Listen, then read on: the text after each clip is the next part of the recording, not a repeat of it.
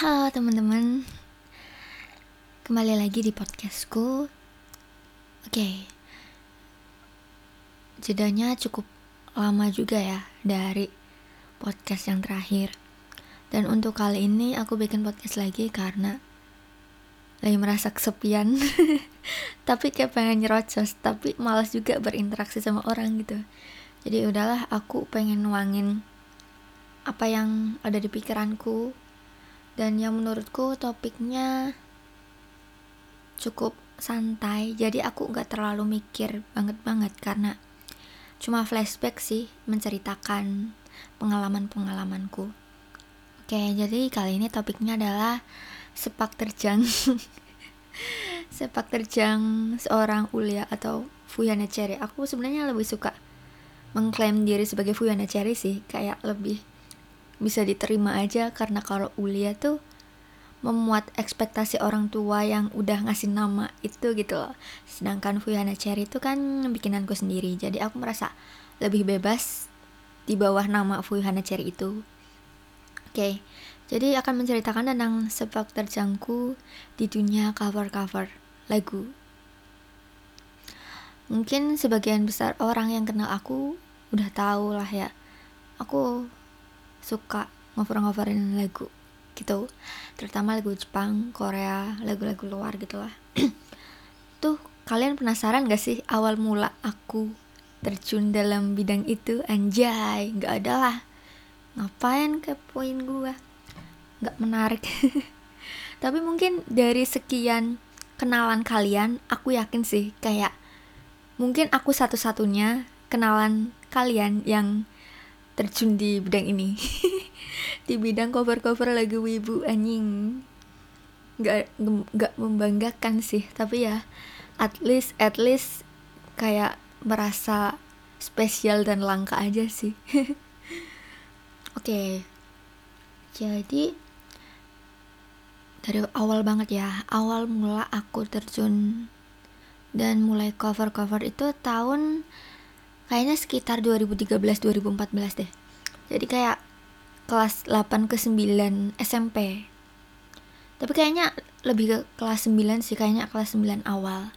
Itu awal mulanya kan dulu aku punya grup WhatsApp uh, pecinta Sasusaku ya Sasuke Sakura gitu. Jadi aku pun dulu punya grup kayak yang suka couple Sasuke Sakura se-Indonesia gitu.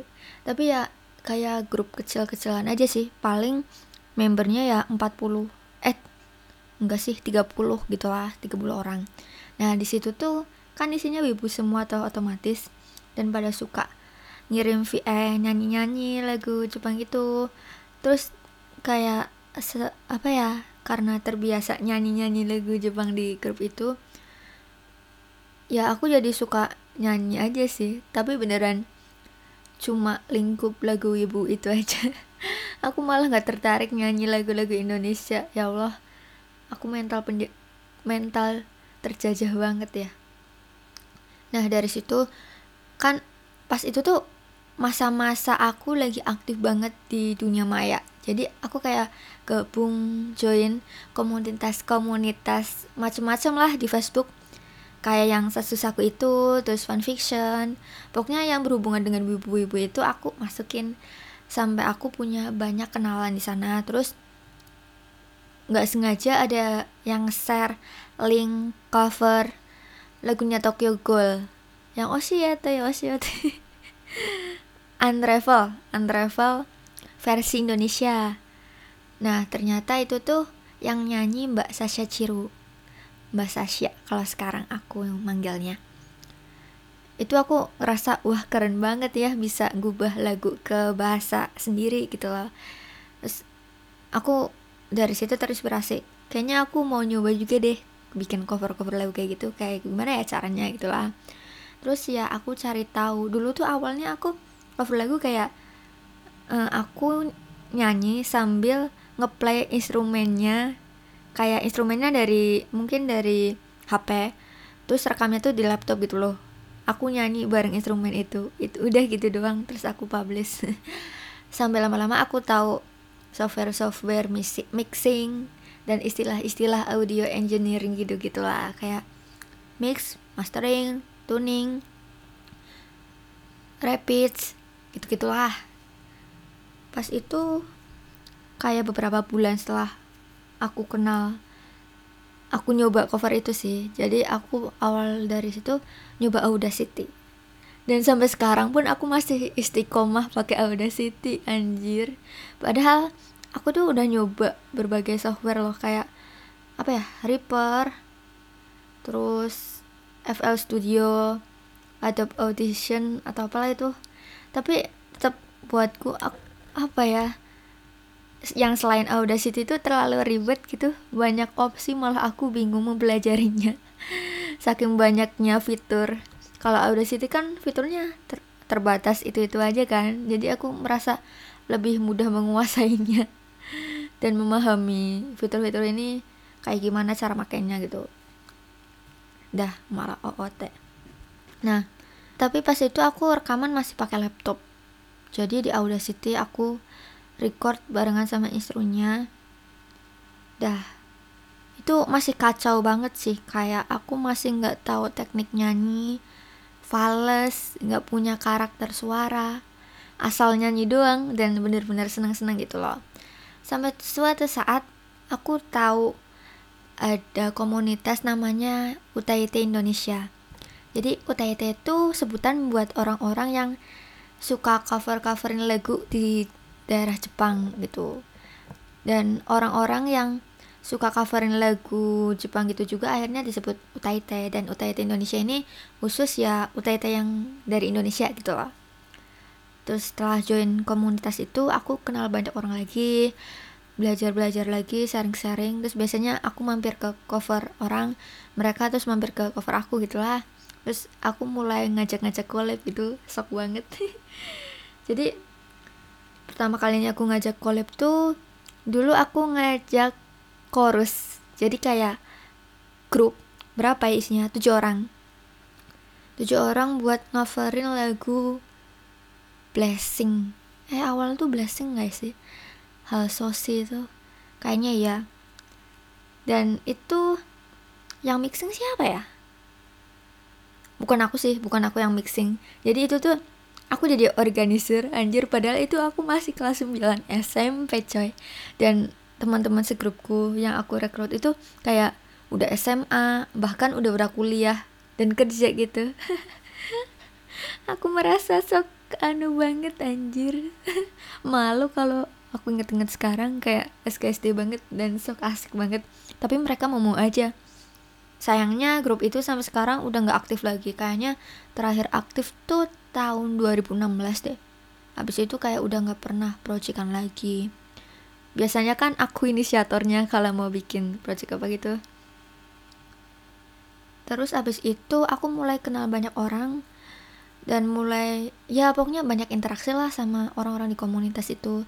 Sampai aku punya idola juga. Nah idola ini mungkin aku udah sering banget ngomongin sih kalau yang deket sama aku ya. Namanya tuh Yuven. Nah Om Yuf.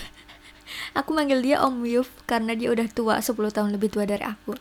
Tapi sampai sekarang aku sama dia masih berhubungan baik sih. Ya walaupun dia hilang-hilangan.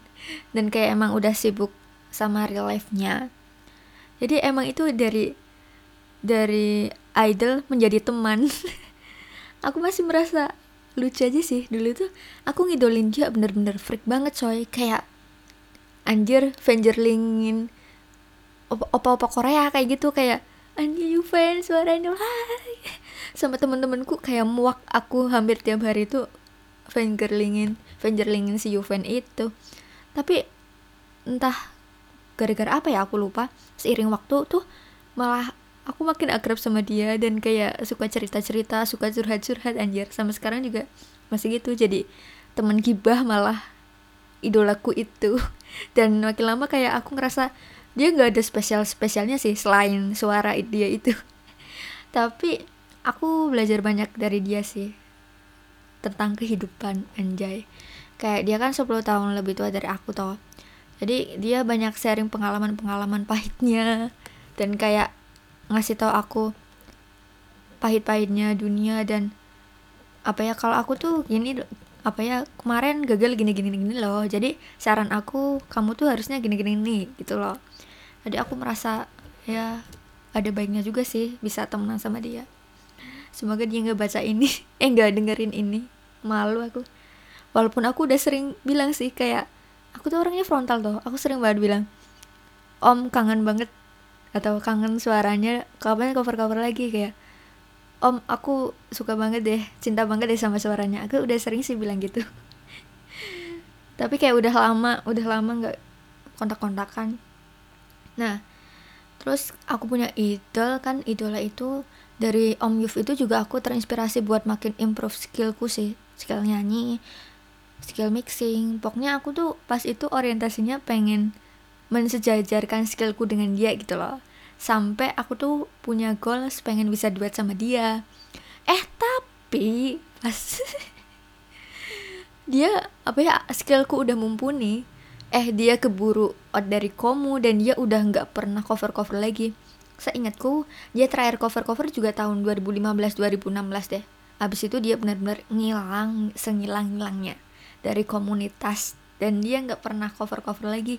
Gila sih walaupun sampai sekarang aku masih kontakkan sama dia aku masih sering banget nyuruh nyuruh dia nyanyi. Aku pengen dengerin gitu kan.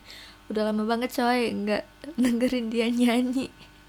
Nangis aku padahal aku kan udah merasa suaraku udah bagus gitu lah. Udah bisa disejajarkan sama dia. Tapi dia aku ajak duet katanya dia udah males. Udah males sama cover coveran gitu. Mungkin udah terlalu tua buat itu kali ya. Ya udahlah nasib. Hmm. Jadi idola itu emang motivasi yang gede banget sih pas itu buat aku. Tapi walaupun Om Yuf outcome aku nggak ngerasa nyesel juga sih udah mengembangkan skillku karena sekarang aku merasa puas dengan usahaku itu. Soalnya sumpah dulu tuh suaraku ancur banget. Ancurnya tuh benar-benar buta nada.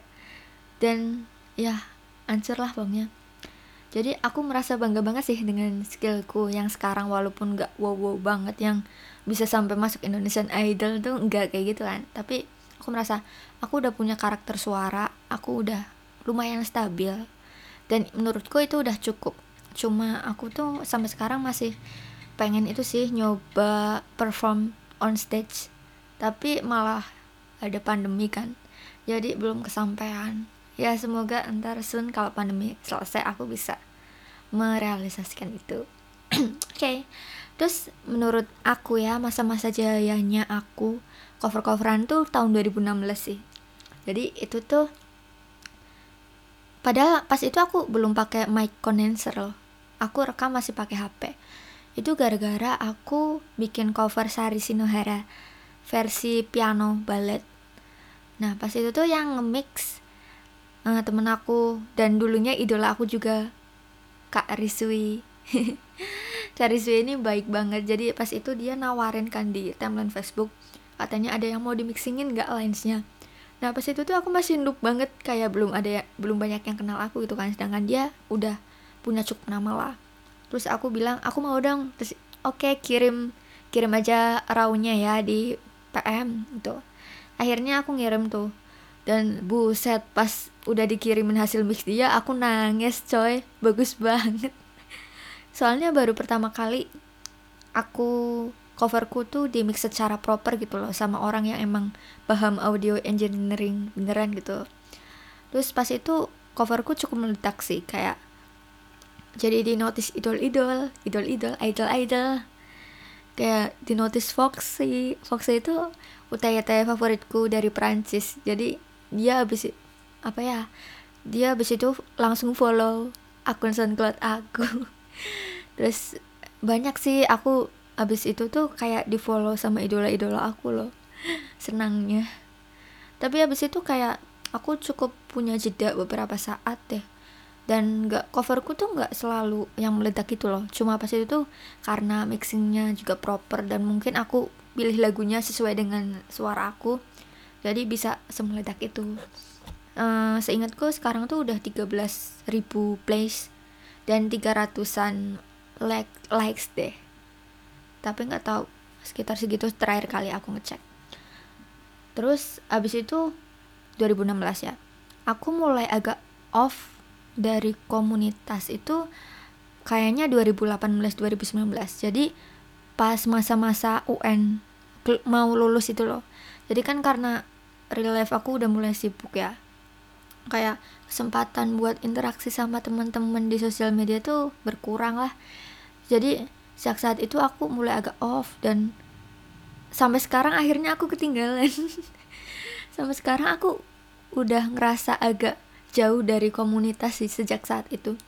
Karena mungkin udah cukup sibuk juga di dunia nyataku tapi kalau masalah berkarya ya tetap aku masih cover cover sampai sekarang masih konsisten. Walaupun ya itu kalau masalah interaksi dan collab collab tuh udah berkurang jauh banget. Dan kayaknya udah banyak yang lupa sama aku juga deh. Karena aku emang udah jarang buka Facebook dan jarang nimbrung sama mereka. Itulah oke okay. terus oh ya aku mulai cover pakai mic condenser itu tahun 2019 eh ya eh 2018 sih. Nah itu tuh padahal 2018 masa-masa aku mulai off komunitas tapi aku juga dapat mic baru. Kocak. Jadi pas itu aku cover-cover biasanya aku save sendiri sih buat sendiri tapi aku juga belajar belajar banyak. Jadi kan rekaman pakai um, headset sama mic tuh jauh beda toh. Kalau pakai mic tuh bisa dengar suara sendiri jadi bisa mengontrol dengan lebih baik. Jadi aku merasa nggak sia-sia juga sih dengan adanya mic ini. Cuma yang sangat disayangkan tuh kayak improvement aku sejak pakai mic malah nggak semelejit pas aku masih pakai HP pakai HP tuh padahal perjuangan banget loh. Kan rekam di HP file di HP tuh nggak cuma satu kayak satu lagu tuh bisa 20-an rekaman. Aku pindahin ke laptop aku tempel-tempelin. Itu bener-bener effortnya gede banget padahal pas masih rekam di HP pas udah ada mic lebih praktis lebih gampang kan. Bisa nggak usah motong-motong nggak usah pindah-pindah malah aku merasa pelan banget improvementku. Atau emang udah polos sampai situ skillku aku nggak paham. Ya jadi begitulah. Aku sih pengennya aku pengen punya ledakan lagi gitu ya kayak pencapaian-pencapaian baru. Tapi aku juga kayak ngerasa bingung aku harus fokus dan prioritasin ke mana. Gitulah. Makanya aku juga selain cover-cover lagu tuh nyoba-nyoba juga kayak voice acting dubbing-dubbing kartun dan bikin podcast beginian. Dan kayak bikin apa ya? Audio drama eh, audio drama. Pokoknya cerpen yang disuarakan gitulah aku lagi nyoba-nyoba itu. Karena mumpung ada mic kan eman-eman banget kalau mic gue nggak dimanfaatkan untuk mencoba banyak hal gitu menurutku. Oke jadi sampai segitu aja oh ya buat kalian yang belum subscribe youtubeku ayo subscribe. Namanya Fui Hana Cherry. Oke oke. Sekian cerita dariku. Lumayan panjang walaupun ini tuh udah aku singkat banget loh. Cerita aslinya tuh lebih panjang lagi dari ini tapi udahlah uh, thanks for listening. Semoga cukup menghibur walaupun nggak menghibur juga sih niatnya. See you in the next episode. Bye bye